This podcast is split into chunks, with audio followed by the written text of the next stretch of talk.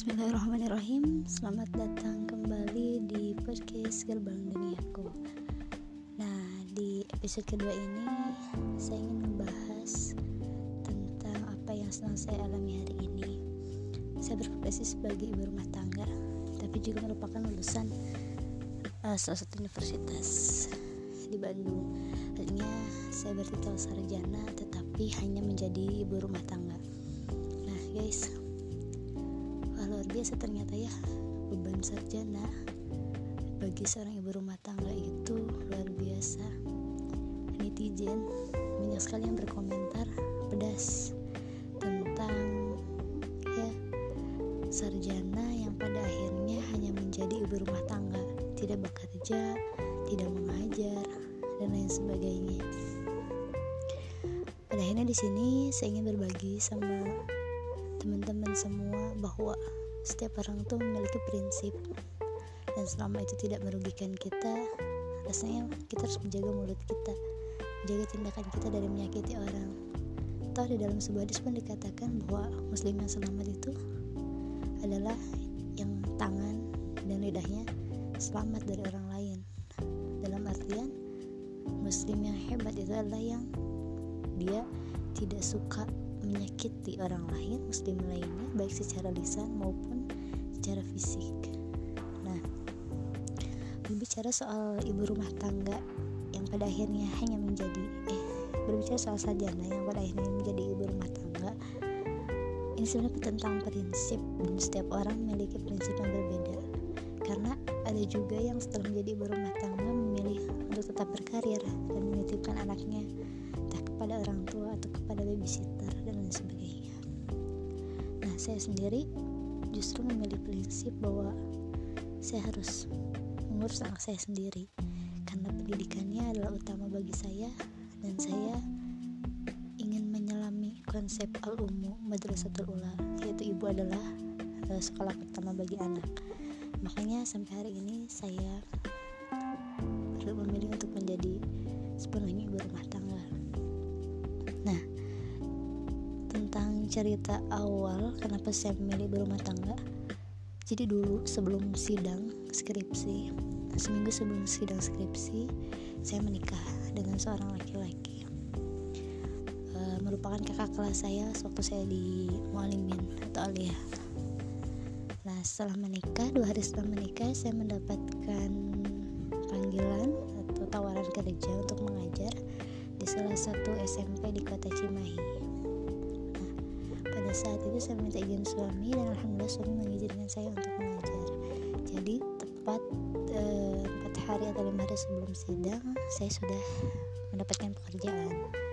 Nah setelah sidang selesai saya mulai untuk mengajar di SMP dan itu berjalan selama kurang lebih beberapa bulan tapi pada akhirnya saya memutuskan untuk keluar nah kenapa sih alasan saya waktu itu memilih untuk keluar dari mengajar di SMP itu? Yang pertama pada saat itu eh, alhamdulillah Allah karuniakan langsung setelah menikah dahim saya seorang janin yang anak sekarang. Dia sudah berusia satu setengah tahun. Nah pada saat tahu bahwa ternyata di dalam diri saya di dalam perut saya ada seorang janin seorang titipan Allah maka di situ saya memilih untuk resign dari pekerjaan saya. Nah, kenapa sih kok langsung resign? Nggak nunggu lahiran. Biasanya kan orang resign setelah lahiran dan lain sebagainya.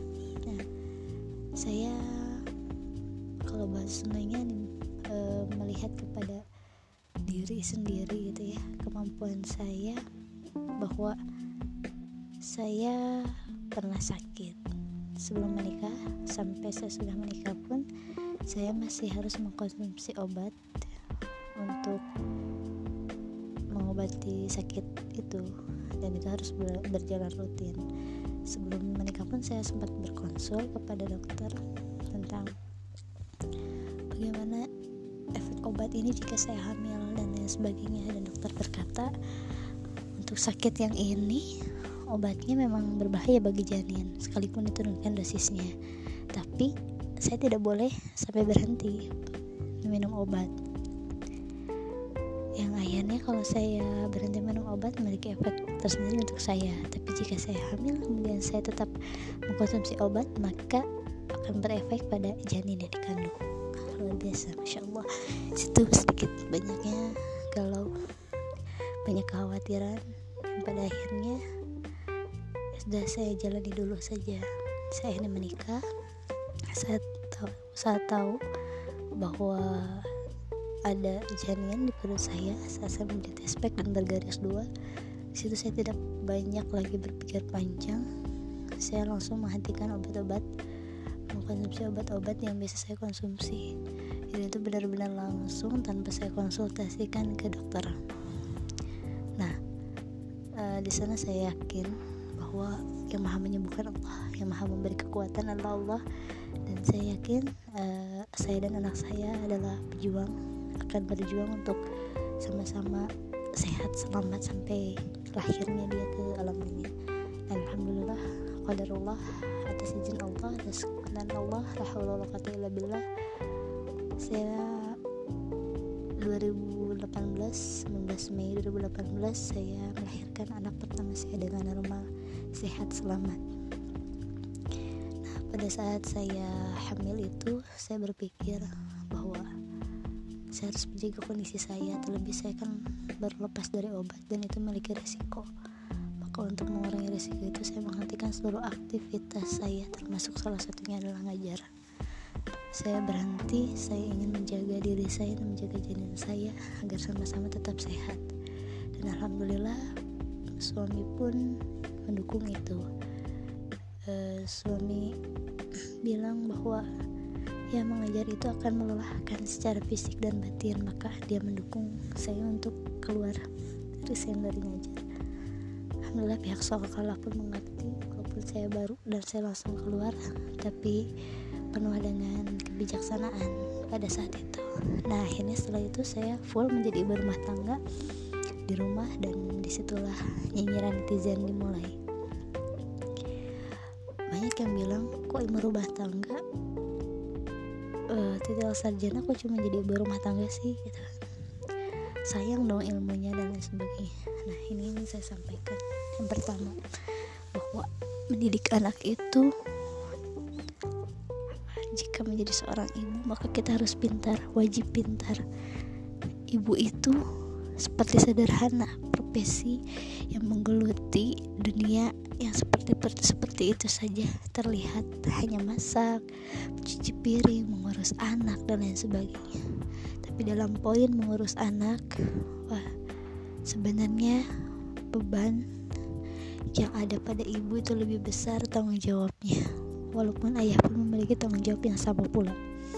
Tapi kita tahu bahwa ketika anak di dalam rahim maka ia bersama ibu. Ketika disusui maka ia bersama ibu.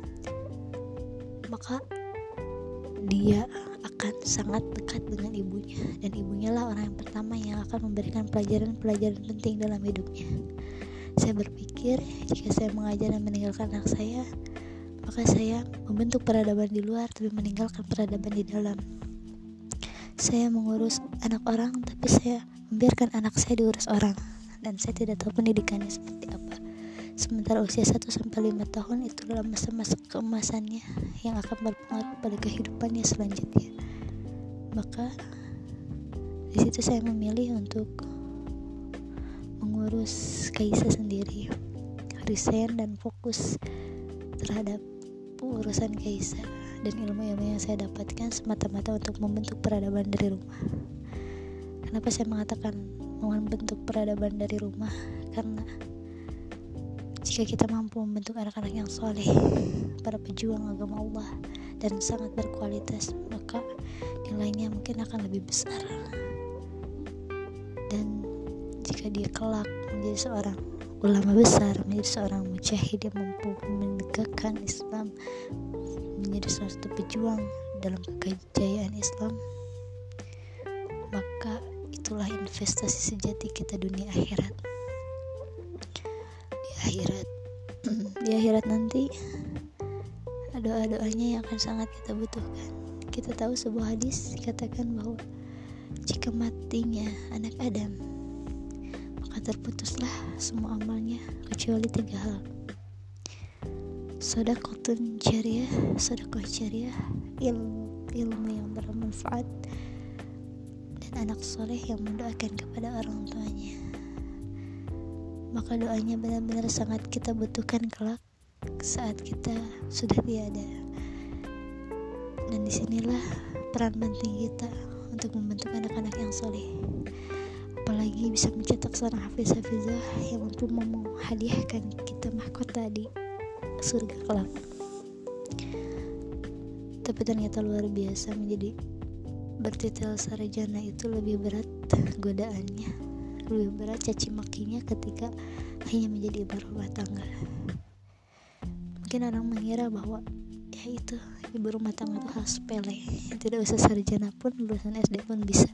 Tapi kita bisa tahu bahwa seperti apa produk yang akan dicetak itu bagaimana orang yang mencetaknya maka semakin tinggi ilmunya insya Allah pendidikannya itu akan menurun kepada anaknya karena kita tahu hormon kepintaran itu turun dari seorang ibu, bukan dari seorang ayah. Maka wajib seorang ibu adalah ibu yang pintar dan ayah, suami wajib mencari istri yang pintar agar terbentuk generasi-generasi yang cerdas, pintar, dunia akhirat.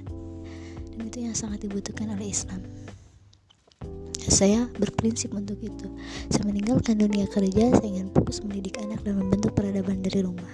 Karena saya yakin SK langsung dari Allah itu memiliki pahala yang segunung dan berlimpah dan dapat menyelamatkan saya di akhirat dibandingkan dengan SK universitas atau SK yang dibuat oleh manusia. Ini tentang prinsip saya. Saya tidak menyalahkan wanita berkarir. Saya tidak mau mementari wanita berkarir karena mereka memiliki prinsip dan saya menghargai itu. Hanya saya, saya hanya saja saya pun memiliki prinsip dan saya pun ingin orang-orang menghargai prinsip itu. Saya merasa bahwa menjadi ibu rumah tangga adalah hadiah status terindah bagi saya apalagi setelah saya menjadi seorang ibu. Ini adalah hal yang luar biasa yang Allah titipkan dan jika Allah mengamanahkan maka kita harus menjaga dengan sebaik-baiknya. Alasan saya tidak mau meninggalkan karena saya harus menitipkan dan biasanya orang pertama yang kita titipkan adalah orang tua kita. Maka apakah tidak cukup kita merepotkan mereka ketika mendidik kita, mengurus kita sedari kecil, sementara kita harus kembali merepotkan mereka dengan mengurus anak-anak kita.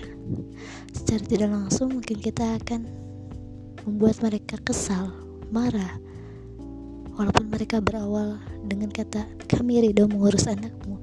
Tapi kita bisa menjadi durhaka saat suatu waktu yang tidak kita ketahui. Anak kita berlaku sangat nakal anak kita berlaku sangat menyebalkan jengkel membuat jengkel. Kemudian orang kita orang tua kita sedang lelah dan akhirnya mereka merasa kesal. Maka di situ tanpa terasa sebenarnya kedurhakaan sedang kita lakukan kepada orang tua kita. Maka saya memilih untuk menghindari hal itu dan satu hal lagi walaupun keluarga sebenarnya justru mendukung saya untuk menjadi seorang PNS saat kemarin kemarin CPNS tapi saya tetap memilih untuk menjadi ibu rumah tangga. Kalaupun saya harus mengajar harus mengabdi maka itu soal abdi. Dan saya tidak ingin meninggalkan Kaisa hanya untuk hanya untuk bekerja. Tapi jika itu kelak harus saya lakukan maka saya ingin Kaisa tetap bersama saya di dalam didikan saya. Oh ya yang belum saya ceritakan pada saat saya ingin keluar dari mengajar dulu. Uh, salah seorang kepala sekolah berkata kepada saya yang mempertahankan saya dan dia berkata khairun nas alfahum linnas bahwa sebaik-baik manusia yang bermanfaat untuk orang lain. Dia memahami bahwa prinsip saya untuk menjadi al-umum madrasatul ula itu baik tapi katanya manusia itu harus bermanfaat bagi manusia lain artinya dia mempertahankan prinsip bahwa saya harus mengajar. Tapi saya mengatakan di sana bahwa saya ingin memberikan manfaat untuk orang banyak lewat pendidikan dan peradaban dari rumah dan itu menjadi fondasi dasar agar anak-anak kita nanti bisa menjadi sesuatu yang justru manfaatnya lebih banyak bagi orang lain. Dan itu prinsip yang saya pilih hari ini sebenarnya kesal marah saat orang-orang mencibir. Tapi kita yang harus paham mungkin prinsip setiap orang berbeda. Tapi sejatinya saya ingin berkata janganlah mengomentari kehidupan orang lain selama mereka tidak merepotkan tidak menyusahkan dan tidak merugikan. Orang yang bekerja jangan dikomentari sebagai ibu yang tidak tahu mengurus anak karena kita pun tidak dititipi anaknya. Ibu yang di rumah saja mengurus anak dan tidak bekerja jangan dikomentari karena mereka pun tidak meminta uang dari kita. Jalan di hidup kita doakan mereka saling mendoakan saling mensupport itu akan lebih indah dalam persaudaraan lebih enak didengar dan lebih memotivasi satu sama lain. Ingat setiap orang memiliki prinsip dan prinsip itu harus dihargai. Setiap orang memiliki maksud dan tujuan yang baik dan saya pun memiliki niatan yang baik untuk hal ini. Saya memilih peradaban dari rumah untuk membentuk anak-anak saya menjadi generasi-generasi kadar dakwah yang hebat untuk Islam, untuk dunia, dan untuk robnya. Dan maka dari itu teman-teman semoga dapat menjadi sebuah hikmah buat kita bahwa jadi ibu rumah tangga itu tidak mudah apalagi menjadi seorang ibu kita memiliki ya harus memiliki ilmu untuk mendidik anak. Karena anak itu bukan mainan bukan robot tapi manusia yang bisa menciptakan kebaikan atau keburukan kelak di masa yang akan datang. Dan ingat masa mereka akan berbeda dengan masa kita. Maka kita harus mempersiapkan mereka untuk hidup di zamannya kelak mungkin di podcast ini saya ingin membahas soal itu aja sih. Nanti ke depannya saya juga ingin membahas selain ibu rumah tangga sebenarnya apa sih yang saya kerjakan di rumah sehingga tetap berjalan? Nah, karena saya juga suka bisnis suka wirausaha saya akan cerita juga di podcast selanjutnya tentang menjadi ibu rumah tangga yang berwirausaha dan tetap dapat menghasilkan uang dari rumah Nah mungkin itu saja. Terima kasih teman-teman sudah ngedengerin podcast saya yang kedua ini. Semoga bermanfaat. Assalamualaikum warahmatullahi wabarakatuh. Sampai jumpa lagi di podcast saya selanjutnya. Terima kasih